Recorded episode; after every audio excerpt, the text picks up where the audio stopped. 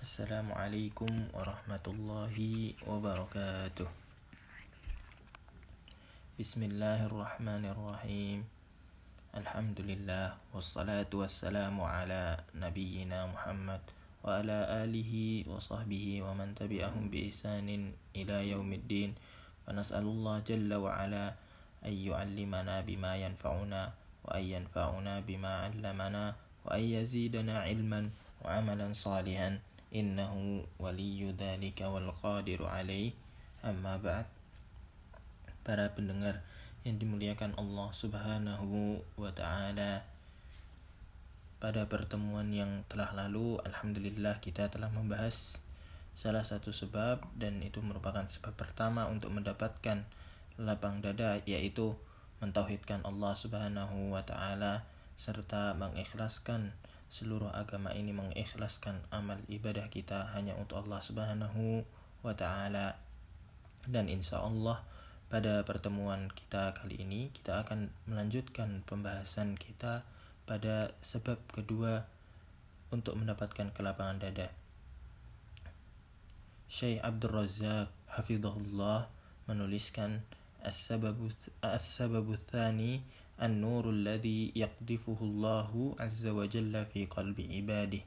Sebab kedua untuk mendapatkan kelapangan dada adalah cahaya keimanan yang Allah Subhanahu wa taala karuniakan ke dalam hati seorang hamba. Sebagaimana yang telah kita ketahui bahwa keimanan atau iman merupakan pembahasan yang sangat penting dan paling banyak dibicarakan oleh ulama kita Bahkan banyak sekali kitab yang ditulis ulama yang mana dikhususkan untuk pembahasan iman ini. Di mana Rasulullah Shallallahu Alaihi Wasallam menjelaskan hakikat iman yaitu al-iman an tu'mina billah wa malaikatihi wa kutubihi wa rusulihi wal yaumil akhir wa tu'minu bil qadari khairihi wa syarri. Iman itu adalah beriman terhadap Allah Subhanahu wa taala dan malaikat-malaikatnya dan kitab-kitabnya dan rasul-rasulnya dan beriman kepada hari akhirat serta beriman terhadap adanya takdir baik itu takdir yang baik maupun takdir yang buruk. Lalu para ulama telah berijma bersepakat di dalam mengartikan keimanan ini bahwa keimanan ini tidaklah sebatas keyakinan di dalam dada ataupun sebatas apa yang kita lafadkan yaitu berupa kalimat tauhid asyhadu an la ilaha illallah wa asyhadu anna muhammadar rasulullah. Namun iman ini termasuk juga adalah amal ibadah yang dilakukan oleh anggota badan kita di mana para ulama mendefinisikan keimanan ini sebagai i'tiqadun bil qalbi wa qaulun bil lisani wa amalun bil jawarih wa huwa yazidu wa yanqus yazidu bit ta'ati wa yanqusu bil ma'asi keimanan uh, iman itu adalah meyakini dengan hati dan mengucapkannya dengan lisan yaitu adalah kalimat syahadat wa amalun bil jawarih yaitu dengan merealisasikannya dengan amalan ibadah yang dilakukan oleh anggota tubuh. Dan sifat iman ini yaitu adalah dia bisa bertambah dan juga bisa berkurang. Bertambah dengan ketaatan atau kita melakukan ketaatan kepada Allah Subhanahu wa taala serta berkurang ketika kita melakukan kemaksiatan. Dan itulah definisi dari iman yang mana sudah disepakati oleh ulama ahlus sunnah wal jamaah. Lalu di dalam bahasa Arab kata iman berasal dari kata al-amnu yang artinya salah satunya adalah rasa aman di mana rasa aman itu adalah lawan dari rasa takut sebagaimana firman Allah Subhanahu wa taala fa in khiftum farijalan aw rukbana fa idza amintum fadhkurullaha kama 'allamakum ma lam takunu ta'lamun. Jika kamu takut ada bahaya salatlah sambil berjalan kaki atau berkendaraan. Kemudian apabila telah aman maka ingatlah Allah yaitu salatlah sebagaimana dia telah mengajarkannya kepadamu apa yang tidak kamu ketahui dan ayat ini adalah syariat salat khauf di mana bagaimana tata cara salat ketika kita sedang berperang atau sedang dalam ada serangan dari musuh. Dan pada ayat ini disebutkan bahwa kata-kata amnu atau yang merupakan asal dari kata al-iman artinya adalah rasa aman yang mana rasa aman itu adalah lawan dari rasa ketakutan sehingga dari sini bisa kita ketahui bahwa keimanan. Secara bahasa saja menunjukkan bahwa keimanan itu menimbulkan rasa aman menimbulkan rasa lapang dada pada diri kita. Lalu Syekh Abdul Razak memulai pembahasannya dengan menyebutkan salah satu ayat di dalam surat Az-Zumar ayat 22 di mana Allah Subhanahu wa taala berfirman afaman syarahallahu sadrahu lil Islam fahuwa ala nurim mir rabbih maka apakah orang-orang yang dibukakan hatinya oleh Allah Subhanahu wa taala untuk menerima agama Islam lalu ia mendapat cahaya dari Tuhannya sama dengan orang-orang yang hatinya membatu di sini Allah Subhanahu wa taala menjelaskan bahwa lapang dada untuk menerima Islam itu adalah berkat dari cahaya iman yang Allah Subhanahu wa taala berikan kepada hambanya. Dan ketika Allah Subhanahu wa taala memberikan cahaya ini kepada seorang hamba maka itu adalah keutamaan baginya. Syekh Abdul Razak menjelaskan bahwa keutamaan ini didapatkan oleh seorang muslim yang beruntung di mana Allah Subhanahu wa taala memberikan cahaya ini untuk orang-orang yang beliau yang Allah Subhanahu wa taala kehendaki. Dan yang dimaksud dengan cahaya di ayat ini juga adalah cahaya iman karena dia melapangkan dada dan meluaskan serta membahagiakan hati.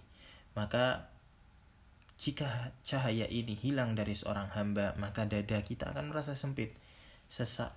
Lalu kelapangan hati seorang hamba itu sangat tergantung dari cahaya keimanan ini. Imam Ibn Rajab rahimahullah berkata, hati yang dimasuki cahaya iman akan merasa lapang dan lega, sehingga karena lega dan lapangnya dada ini, ia akan mudah condong kepada kebaikan, sehingga dia akan mudah melakukan kebaikan. Tenang dengan kebaikan yang dia lakukan dan menerima kebaikan tersebut. Dan juga kalau dia sudah menerima kebaikan, lawannya adalah dia akan lari dari kebatilan dan membenci kebatilan tersebut, membenci keburukan serta tidak akan menerimanya.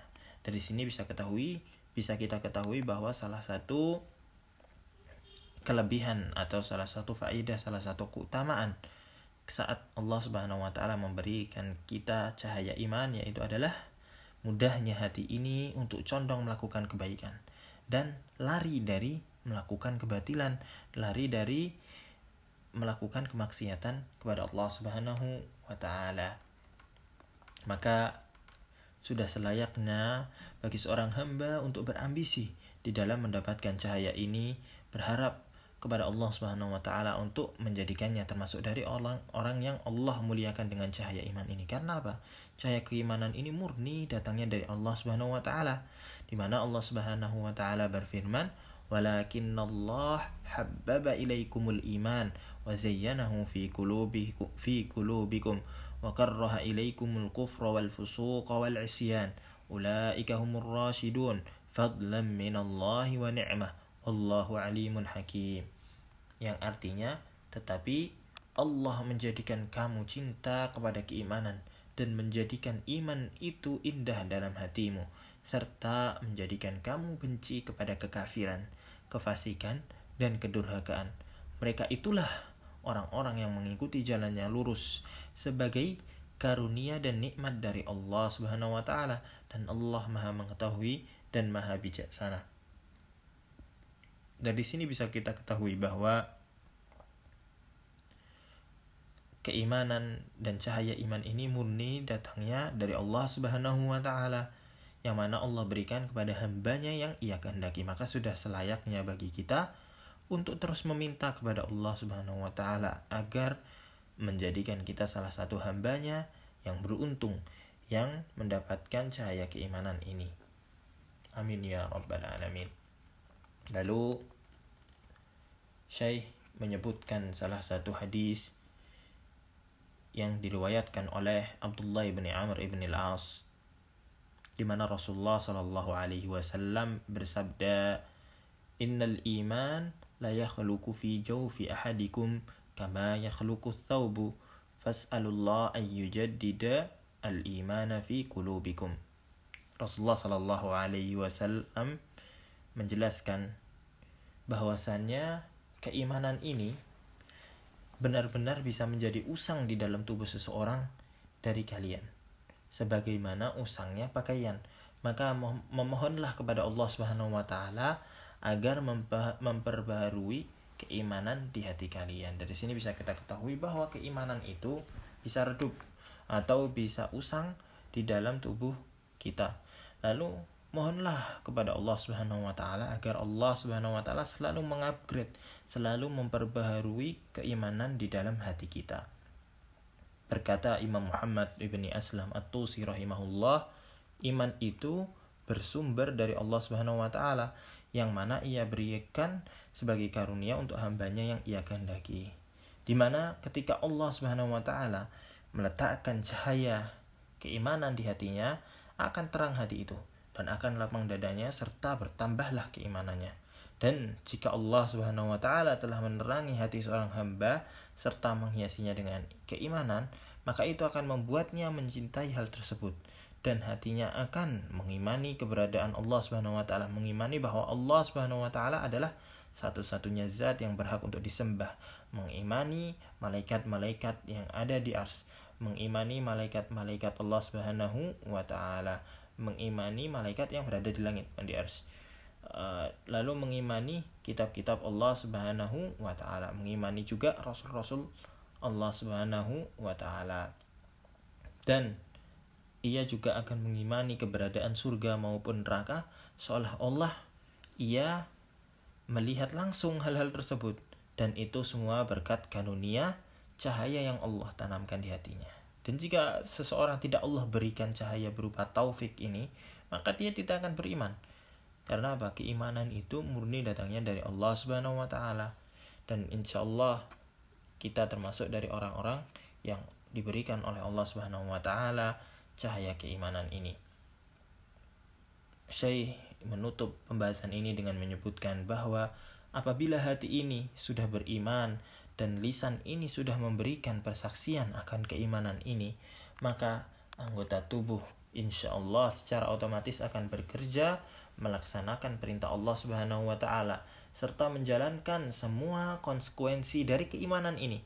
Karena apa kita ketahui bahwa keimanan itu memiliki konsekuensi memiliki kewajiban-kewajiban yang harus dilaksanakan seorang hamba dan apabila kita sudah beriman dengan lisan dan sudah memberikan kesaksian maka insya Allah kita akan menjalankan semua kewajiban ini, menjalankan semua konsekuensi keimanan ini, serta melaksanakan semua hak-hak Allah yang ada pada diri seorang hamba, serta menjauhi semua larangan-larangannya. Dan melakukan ini semua karena mengimani dan membenarkan apa yang sudah ada di hati ini berupa iman. Dan apa yang sudah diucapkan oleh lisan ini berupa kalimat syahadat. Dan apabila seorang muslim merealisasikan semua hal ini maka dia dikatakan sebagai orang yang beriman. Dari sini bisa kita ketahui bahwa keimanan merupakan taufik merupakan anugerah dari Allah Subhanahu wa taala yang ia berikan hanya kepada hamba-hambanya yang beliau cintai, hamba-hambanya yang beliau kehendaki. Sehingga sudah menjadi hal yang diharuskan kepada seorang muslim untuk selalu meminta kepada Allah Subhanahu wa taala agar Allah Subhanahu wa taala mengupgrade serta memperbaharui kualitas keimanan kita, memperbaharui kualitas keimanan kita kepada Allah Subhanahu wa taala dan insya Allah dengan kita selalu meminta kepada Allah Subhanahu wa taala, Allah Subhanahu wa taala akan mengabulkan doa-doa kita. Wabillahi taufiq wal hidayah. Wassalamualaikum warahmatullahi wabarakatuh.